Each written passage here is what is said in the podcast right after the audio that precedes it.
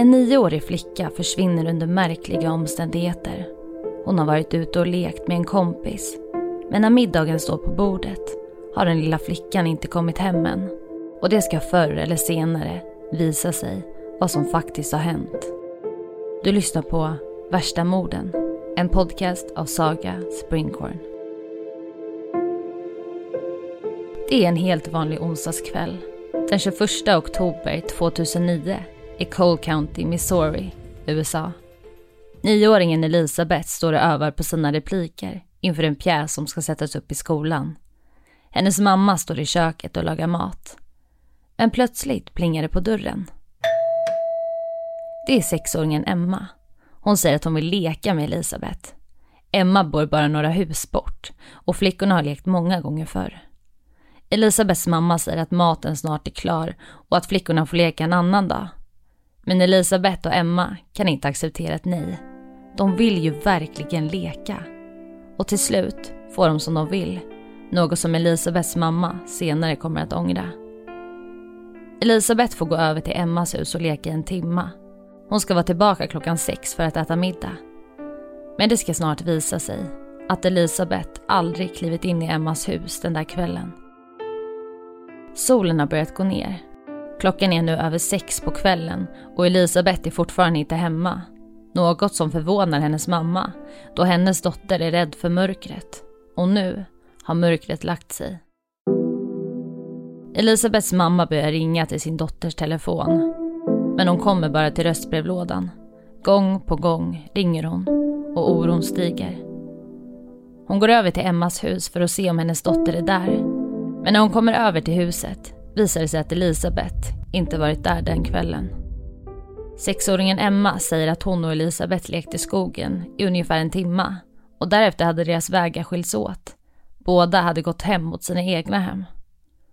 Polisen kontaktas. Det är oroväckande att Elisabeth försvunnit. Det är allvar. Man börjar söka efter flickan. Skogen som Emma och Elisabeth lekte i är stor och det blir ett tufft arbete för polisen att hitta henne.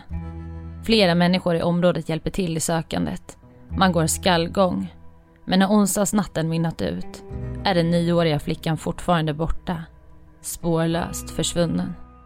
Polisen tar reda på vilka i området som har dömts för sexualbrott mot barn. Det är ett möjligt motiv. Men det finns inget där att hämta. Har flickan blivit kidnappad, våldtagen, mördad? Ingen vet. Sökandet fortsätter. Polisen tar nu kontakt med operatören till Elisabeths telefon. De säger att de behöver veta vilka mastar som fångat upp hennes närvaro. Via mastarna kan man få ett hum om vart hon rört sig innan mobilen stängs av.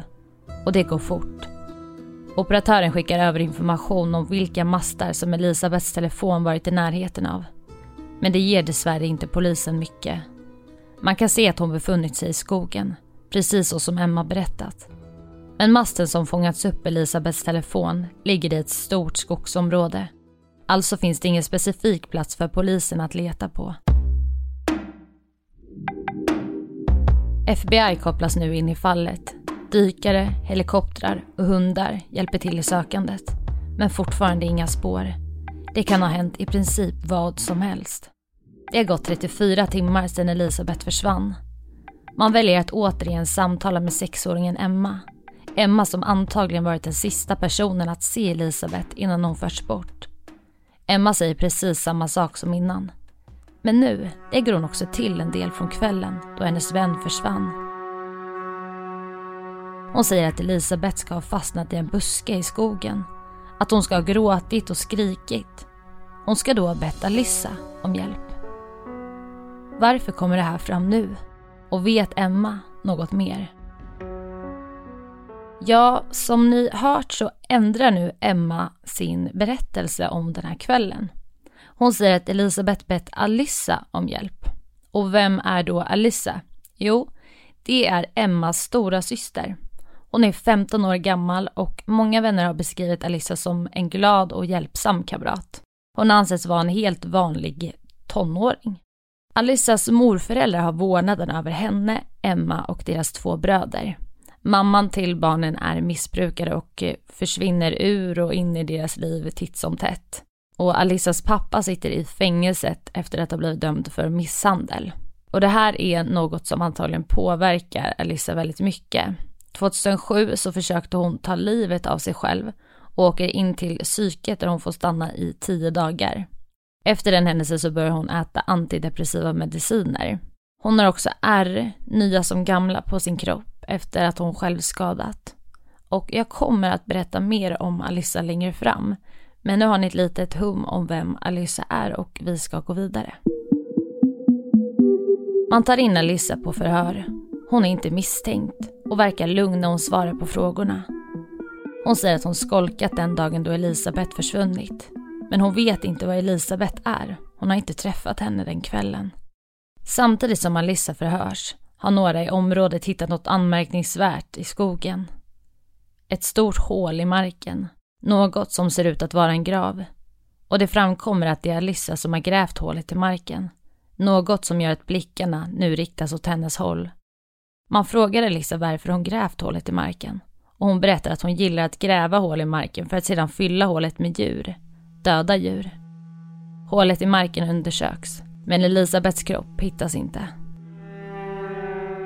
Nu vill utredarna undersöka Elissas hem. När de öppnar dörren till hennes rum går det upp för dem att något inte stämmer. Väggarna är täckta av oroväckande texter och dikter. Vissa av texterna är skrivna i blod. En mening i en av dikterna låter så här. Jag skär för att se blod, för att jag gillar blod. Men det finns också en annan sak på väggen som gör att utredarna reagerar desto starkare. Alyssa har målat en kropp på väggen. Över ansiktet på personen rinner det blod och bredvid skissen står det Emma, hennes systers namn. Man hittar också en dagbok, likaså den innehåller texter som gör att utredarna reagerar. Det står bland annat att Elissa har tankar på att bränna ner huset hon bor i och att de i huset då ska dö. Men längst bak i dagboken står det onsdag 21 oktober 2009. Datumet då Elisabeth försvann. Alissa har skrivit något efter datumet men sen täckt över alla ord som hon skrivit. Men den sista meningen kan man se. Det står nu måste jag gå till kyrkan. Snart startar vår stora färgfest med fantastiska erbjudanden för dig som ska måla om. Kom in så förverkligar vi ditt projekt på Nordsjö Idé och Design.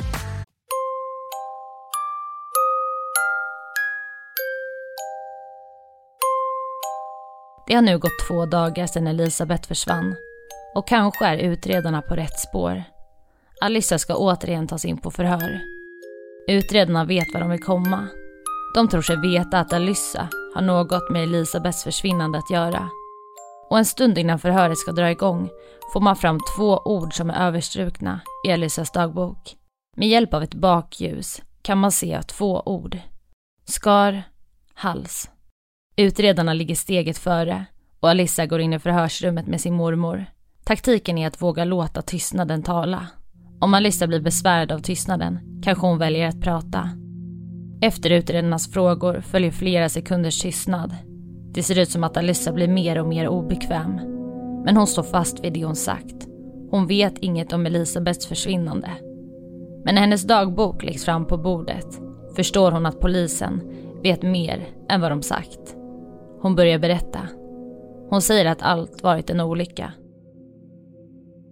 Nu börjar Elisa berätta om den där kvällen. Hon säger att Elisabeth ska ha gått in i skogen tillsammans med henne. De har gått hand i hand. Plötsligt ska Elisabeth ha ramlat och dött. Men den här historien tror inte riktigt utredarna på. De säger att de förr eller senare kommer att hitta Elisabeths kropp och att man då kommer se vilka skador som finns. Man säger också till Alyssa att antagligen så kommer flickan ha en avskuren hals. För det är ju två ord i dagboken som indikerar för det. Och eh, om så är fallet då ligger Alyssa väldigt risigt till menar de. Och här brister det för Alyssa.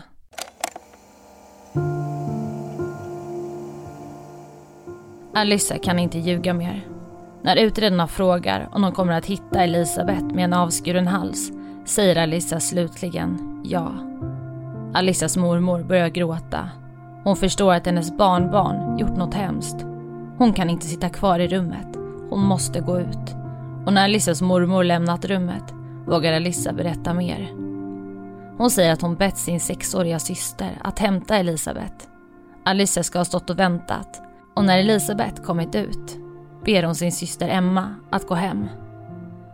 Nu var Alissa ensam med Elisabeth och Elisabeth litade på Alissa. De hade träffats förut när hon varit i deras hem och lekt med systern Emma. Tillsammans går de in i skogen, hand i hand. Elisabeth är rädd, men Alissa lugnar henne. Alissa säger att hon ska visa Elisabeth något, men de måste gå en bit in i skogen. Men egentligen vet Alissa redan hur den här kvällen ska sluta. Med sig har hon en kökskniv. Alissa och Elisabeth kommer fram till ett hål. Ett hål som Alissa grävt i skogen. Likt hålet som tidigare hittats på en annan plats i skogen. När de kommer fram till platsen börjar Alissa att strypa Elisabeth med sina händer. När Elisabeth faller till marken sparkar hon henne i bröstet, hugger henne med kökskniven. Och därefter skar hon upp Elisabeths hals och puttade sedan ner henne i hålet. Hon täcker därefter över Elisabeths kropp med löv och går hem. Till utredarna säger Alissa att hon kan visa var Elisabeths kropp ligger. Och när de går in i skogen är det ingen tvekan om att Alissa har full koll Hon vet precis vilken väg de ska gå. Och när de kommer fram till hålet är det tydligt att Elisabeth ligger där. Hennes kropp ligger bara några centimeter ner under marken. Hade någon letat på just det stället hade man antagligen upptäckt flickans kropp direkt. Alissa hade grävt hålet flera dagar innan. Hon hade velat mörda för att veta hur det skulle kännas. Alissas dagbok stärker också den tesen. Alissa har ett mörker över sig. På sin YouTube-kanal berättar hon om sina självskador. Hon uttrycker på sin kanal att hon har ett intresse för självskador och mord. När man får fram den överstrykta texten i Alissas dagbok några dagar senare, den texten som hon skrivit om kvällen då hon mördat Elisabeth, står det Jag dödade bara någon. Jag ströp dem och skar upp halsen och knivhögg dem och nu är de döda. Jag vet inte hur det känns just nu. Det var ju underbart. Så fort det kommer över känslan, åh herregud jag kan inte, så känns det ganska njutbart. Jag är ganska nervös och skakig just nu. Okej, okay, jag måste gå till kyrkan nu. LOL. Obduktionen av Elisabeths kropp visar precis det Alissa berättat. Det finns inga tvivel. Det är Alissa som utfört dådet. I rättssalen berättar Alissa att hon är ledsen för det som hänt. Hon ångrar sig djupt. Alissa döms till livstidsfängelse med möjlighet till villkorlig frigivning. Tack för att du har lyssnat på dagens avsnitt.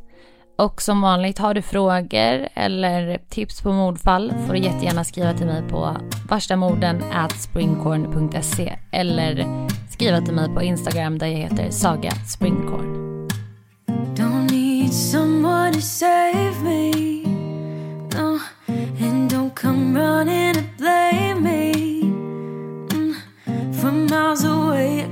that something's off The way you look and how you pause when you talk I think I said enough.